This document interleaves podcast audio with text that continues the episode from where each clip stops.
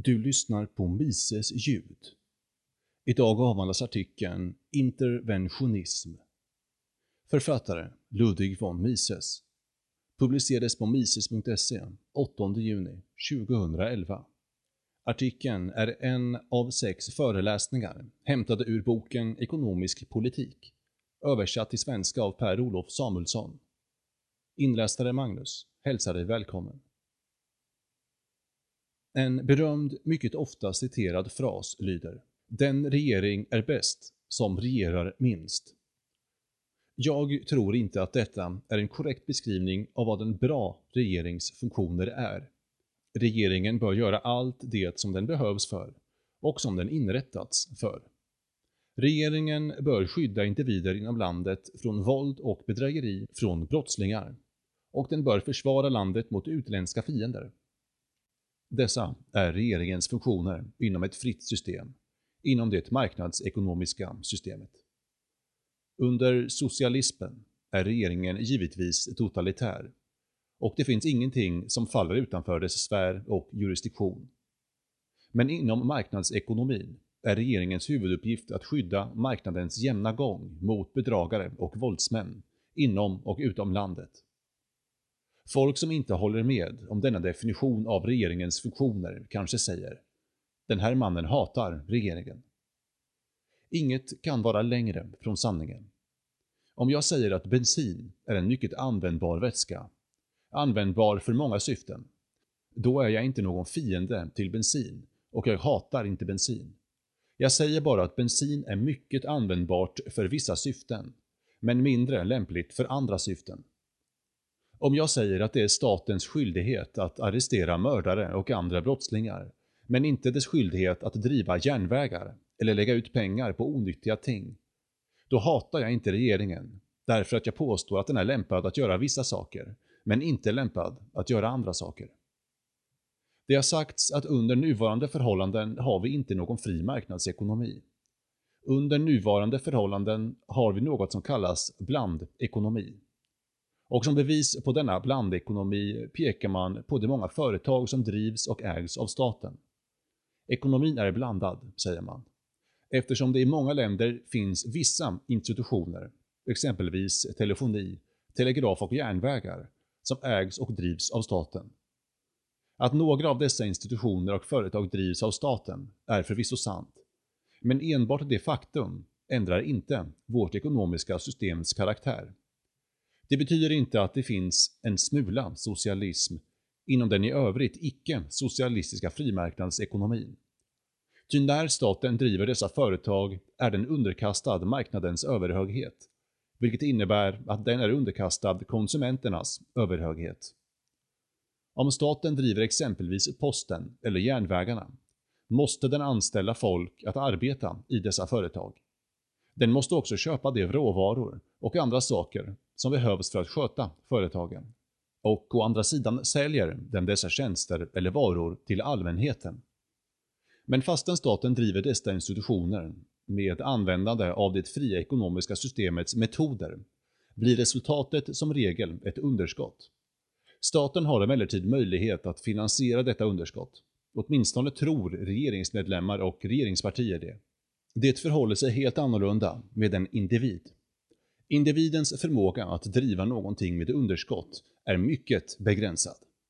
Om underskottet inte mycket snart elimineras och om företaget inte blir lönsamt, eller åtminstone visar att det inte ådrar sig några ytterligare underskott och förluster, går individen i konkurs och företaget måste läggas ner. Men för staten gäller andra villkor. Staten kan gå med underskott eftersom den har makt att ta ut skatt.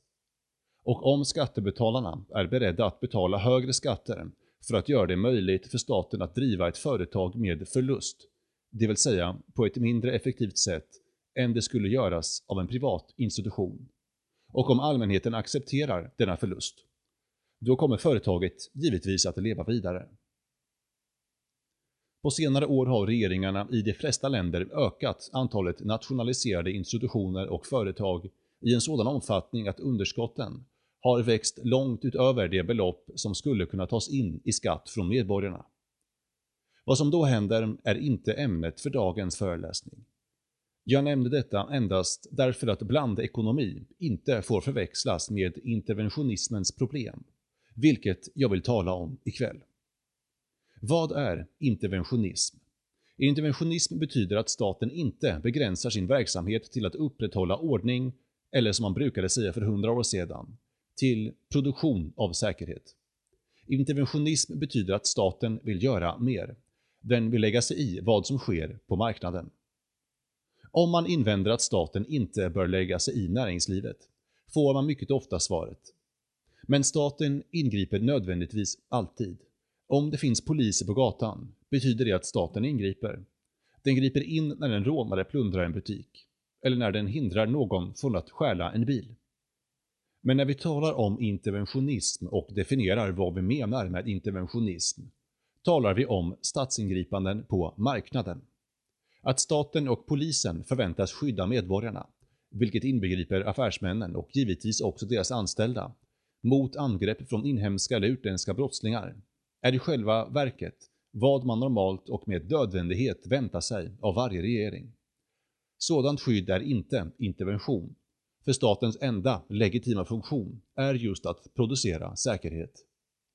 Vad vi har i åtanke när vi talar om interventionism är regeringens önskan att göra mer än förhindra övergrepp och bedrägeri. Interventionism betyder att regeringen inte bara underlåter att skydda marknadsekonomins jämna gång, utan också lägger sig i vad som händer och sker på marknaden. Den lägger sig i priserna, lönerna, räntorna och profiterna. Regeringen vill ingripa i avsikt att tvinga affärsmännen att sköta sina angelägenheter på ett annat sätt än de skulle ha valt om de bara hade lytt konsumenterna. Därför är alla av en regerings interventionistiska åtgärder inriktade på att begränsa konsumenternas herravälde. Regeringen vill tillvälla sig den makt, eller åtminstone en del av den makt, som i den fria marknadsekonomin ligger i konsumenternas händer. Låt oss skärskåda ett exempel på interventionism, som är mycket populärt i många länder och gång efter annan provats av många regeringar, speciellt i inflationstider. Jag syftar på prisregleringar. Regeringar tar vanligtvis sin tillflykt till prisregleringar när den har skapat inflation i penningmängden och folk har börjat klaga över de resulterande prishöjningarna. Det finns många berömda historiska exempel på prisregleringsmetoder som har misslyckats. Men jag ska bara nämna två av dem. Ty i båda dessa fall försökte regeringarna verkligen mycket energiskt driva igenom sina prisregleringar. Det första, berömda exemplet, handlar om den romerske kejsaren Diocletianus, mycket välkänd som den siste romerska kejsaren som förföljde de kristna. Den romerska kejsaren hade under senare delen av 400-talet bara en finansieringsmetod, nämligen valutaförsämring. I dessa primitiva tider, innan tryckpressen var uppfunnen, kan man säga att även inflationen var primitiv. Den gick ut på att försämra mynten, särskilt silvermynten. Regeringen blandade in mer och mer koppar i silvret, tills färgen på silvermynten ändrades och vikten avsevärt minskades.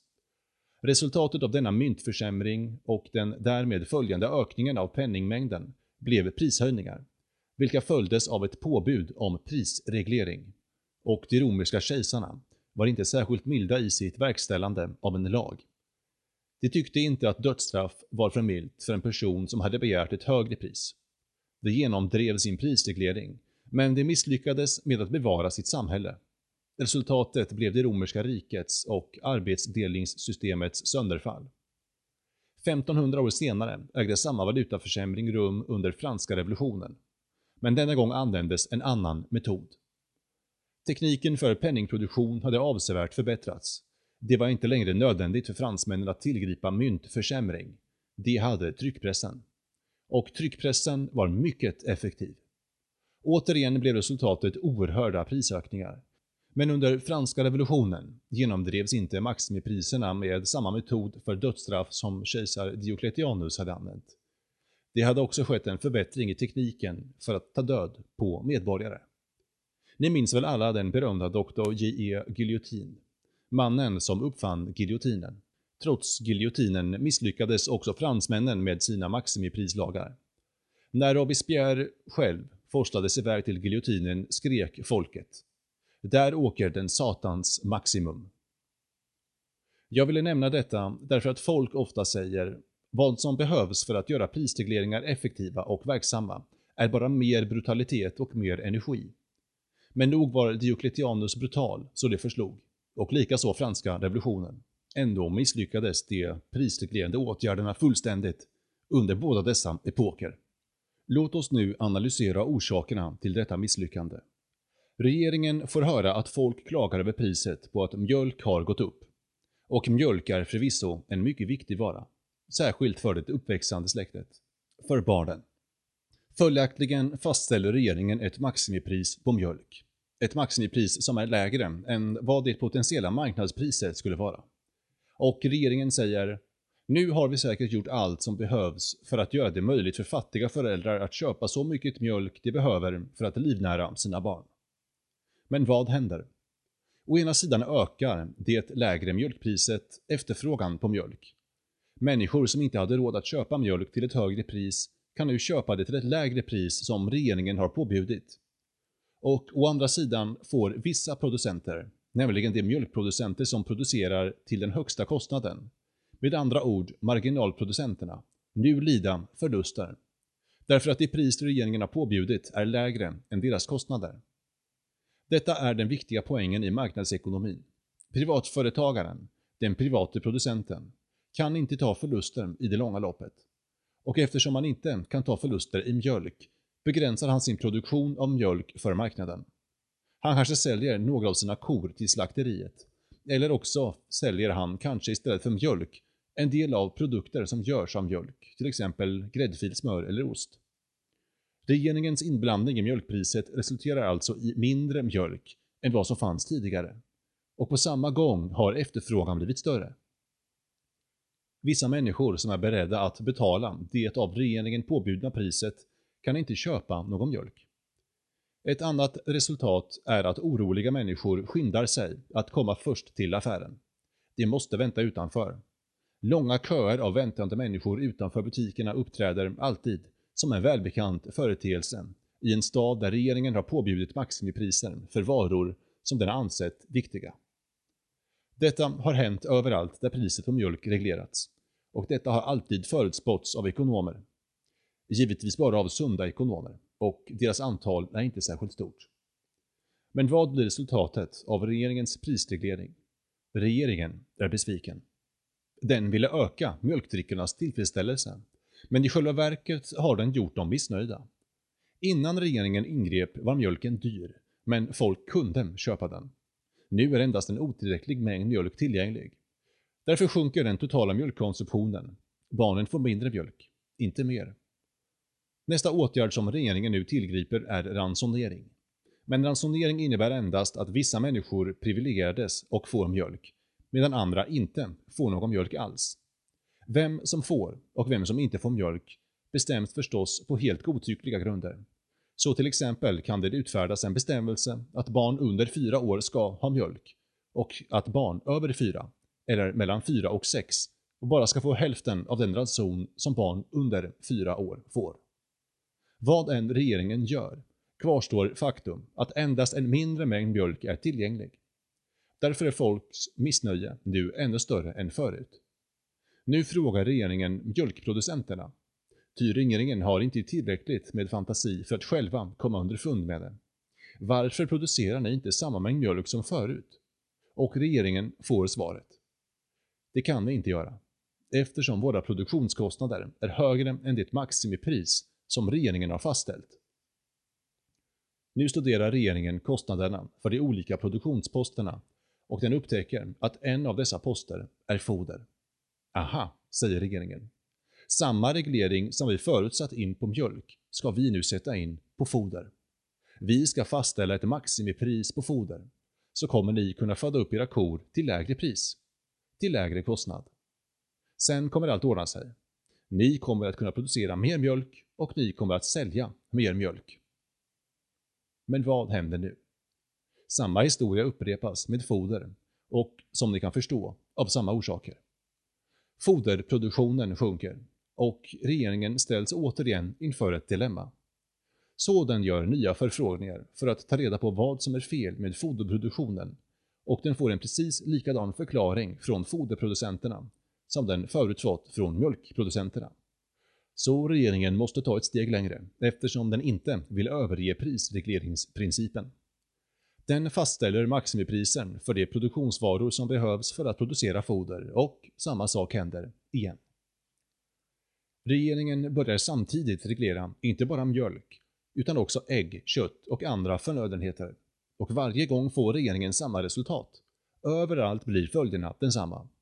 Så fort regeringen fastställer ett maximipris för konsumtionsvaror måste den ta steget tillbaka till produktionsvaror och begränsa priserna på de produktionsvaror som behövs för att producera de prisreglerade konsumtionsvarorna.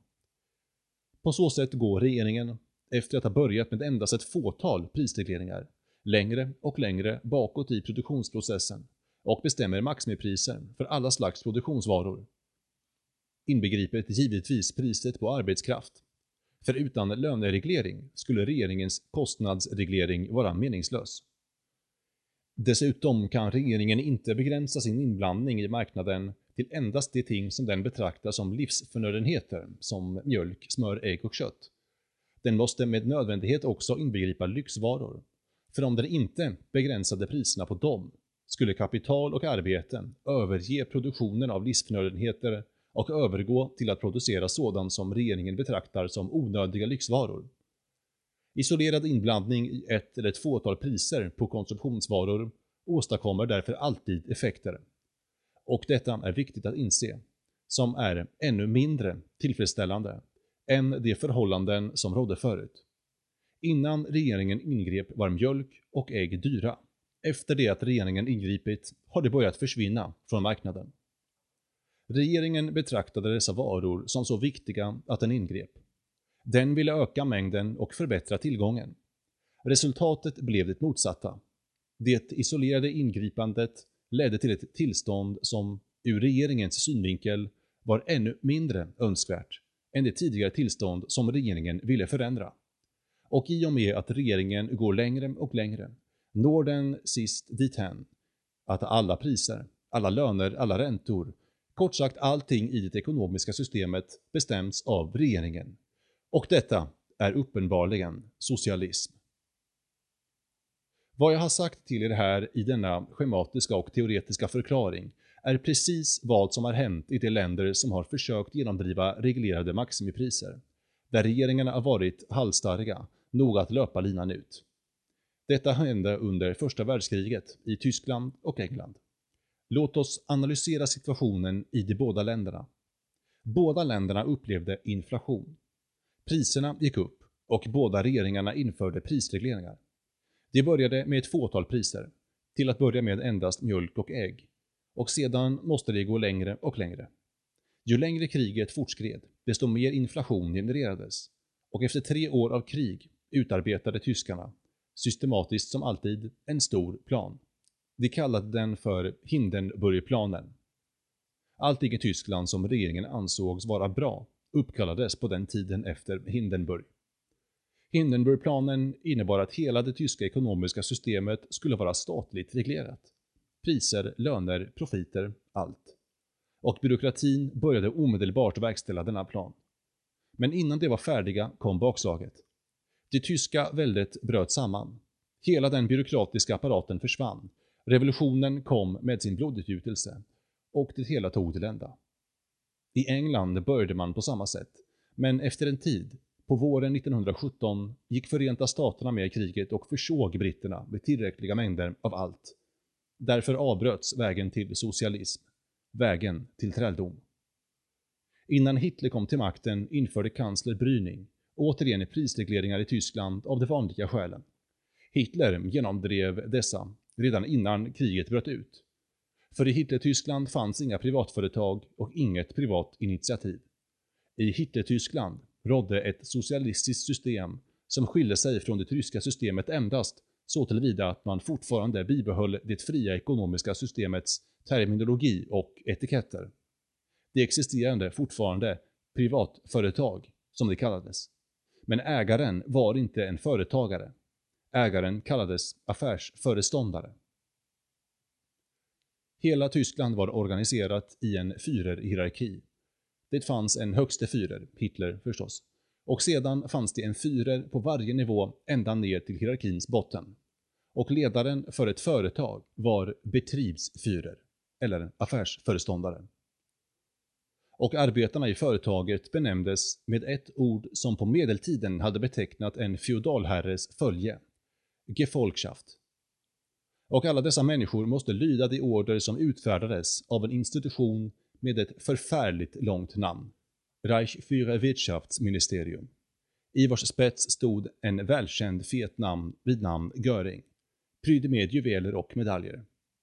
Och från detta ministerium med det långa namnet kom alla order till varje företag. Vad det skulle producera, i vilken mängd, var det skulle skaffa sina råvaror och vad de skulle betala för dem. Till vem de skulle sälja sina produkter och till vilket pris de skulle sälja dem. Arbetarna fick order om att arbeta i en bestämd fabrik och de fick löner som regeringen påbjöd. Hela det ekonomiska systemet var nu reglerat in i minsta detalj av regeringen. En Betriebsführer hade inte rätt att själv behålla sina profiter. Han fick i realiteten en slags månadslön och om han ville ha mer kunde han till exempel säga “Jag är väldigt sjuk och behöver opereras omedelbart och operationen kostar 500 mark. Och sedan måste han fråga distriktets Führer, Gau Führer, om han hade rätt att ta ut mer än den lön som gavs honom. Priserna var inte längre priser. Lönerna var inte längre löner. Det var alla kvantitativa termer i ett socialistiskt system. Låt mig nu berätta för er hur detta system föll sönder. En dag efter åratals krig kom de utländska arméerna till Tyskland. De försökte bevara det statligt styrda ekonomiska systemet, men Hitlers brutalitet hade varit nödvändigt för att bevara det. Och utan denna brutalitet fungerade det inte. Och samtidigt som detta försiggick i Tyskland gjorde Storbritannien under andra världskriget exakt detsamma som Tyskland gjorde. Den brittiska regeringen började med att prisreglera endast vissa varor för att steg för steg, på samma sätt som Hitler hade gjort i fredstid, redan före krigsutbrottet, reglera mer och mer av ekonomin, tills det vid slutet av kriget hade nått fram till något som nästan var ren socialism. Socialismen infördes inte i Storbritannien av den Labour-regering som kom till makten 1945. Storbritannien blev socialistiskt under kriget. Genom den regering där Sir Winston Churchill var premiärminister Labour-regeringen behöll helt enkelt det socialistiska systemet som Sir Winston Churchills regering redan hade infört. Och detta trots kraftigt motstånd från folket. Nationaliseringarna i Storbritannien betydde inte särskilt mycket. Nationaliseringen av Bank of England var blott och bart nominell, eftersom Bank of England redan var, helt och hållet, under regeringens kontroll. Och det var likadant med nationaliseringen av järnvägarna och stålindustrin krigssocialismen, som den kallades. Och med detta menas ett system av interventionism som fortskrider steg för steg, hade redan praktiskt taget nationaliserat systemet. Skillnaden mellan det tyska och det brittiska systemet var inte så viktig, eftersom de båda fallen förvaltades av personer som hade utnämnts av regeringen och i alla avseenden måste lyda regeringens order. Som jag förut sa behöll de tyska nazisterna den kapitalistiska fria marknadsekonomins etiketter och termer. Men det betydde något helt annat. Det var nu bara regeringsdekret.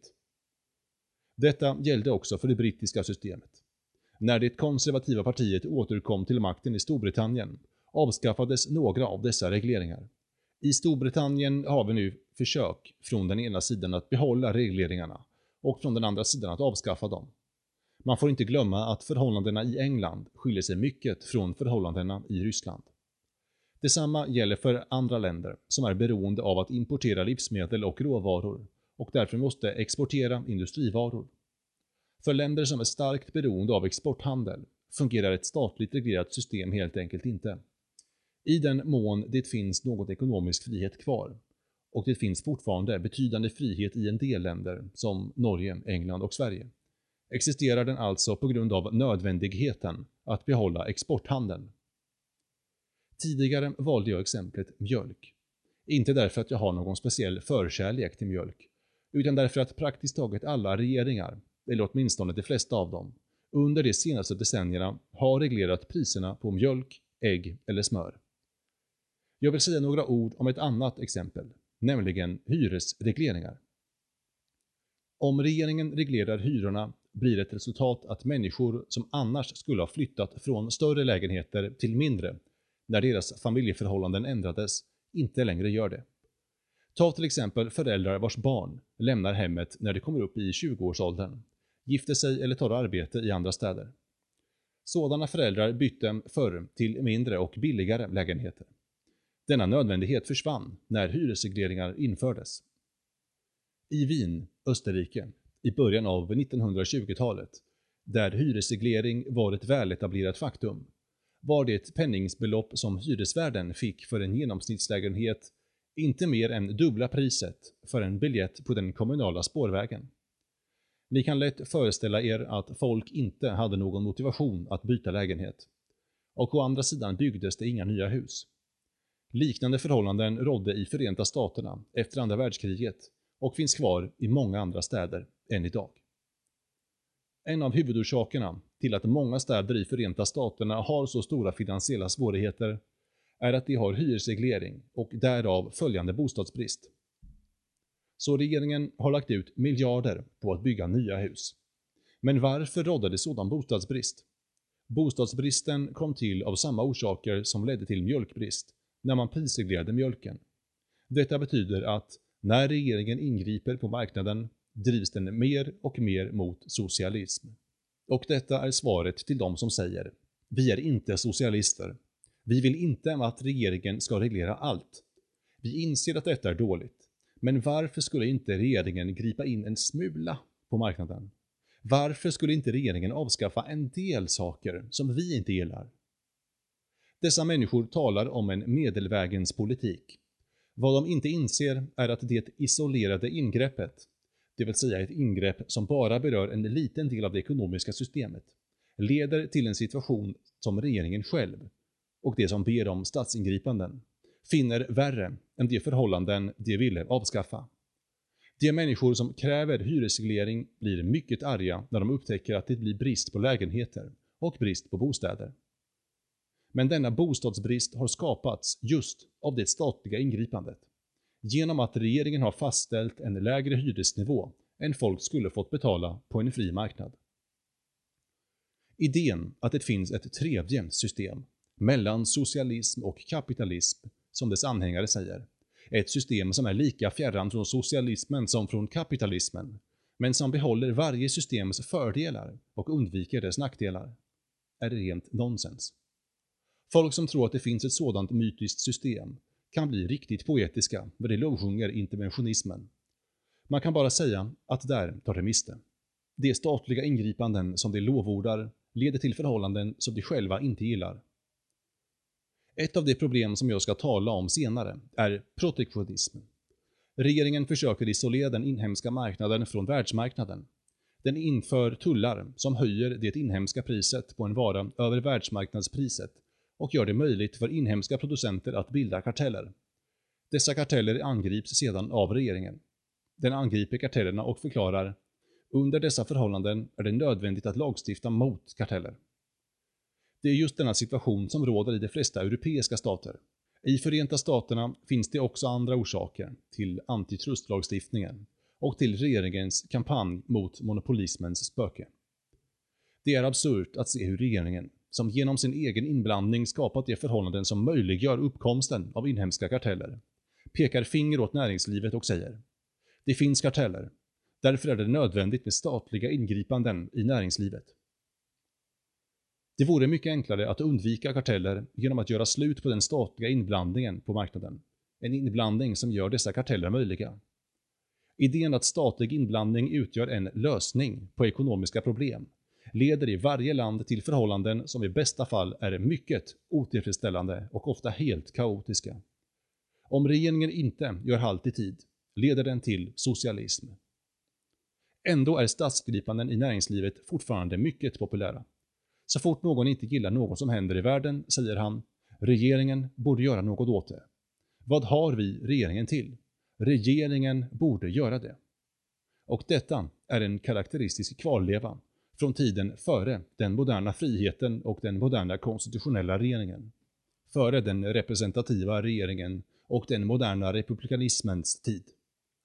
I århundraden förfäktade och godtog alla doktrinen att en konung, en smord konung, var Guds budbärare. Hans visdom var större än hans undersåtars. Och han hade övernaturliga krafter.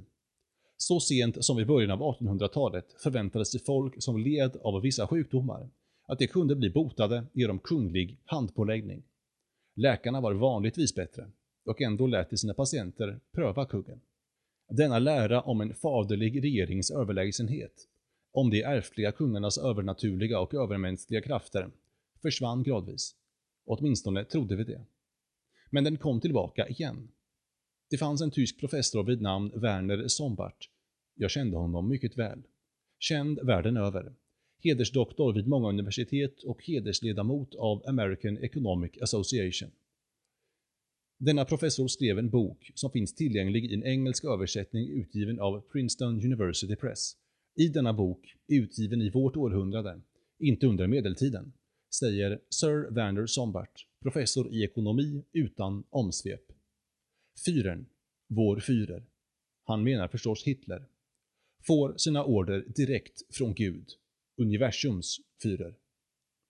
Jag talade förut om en Führer-hierarki och i denna hierarki nämnde jag Hitler som den högste fyren. Men det finns enligt Werner Sombart en ännu högre fyrer, Gud, universums fyrer. Och Gud, skrev han, ger sina order direkt till Hitler. Professor Sombart är förstås blygsam nog att säga vi vet inte hur Gud kommunicerar med fyren, men själva faktumet kan inte förnekas.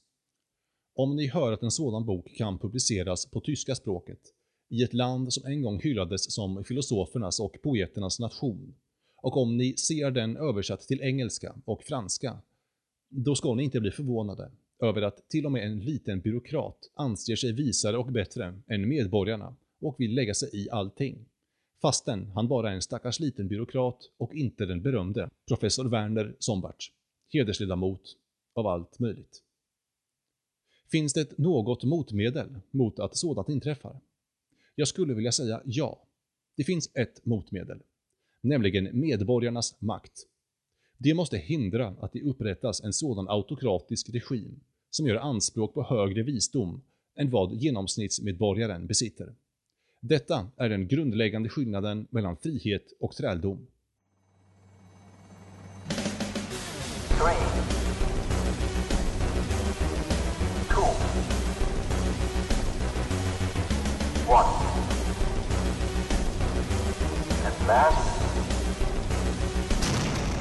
Don't put your trust in politics and political parties.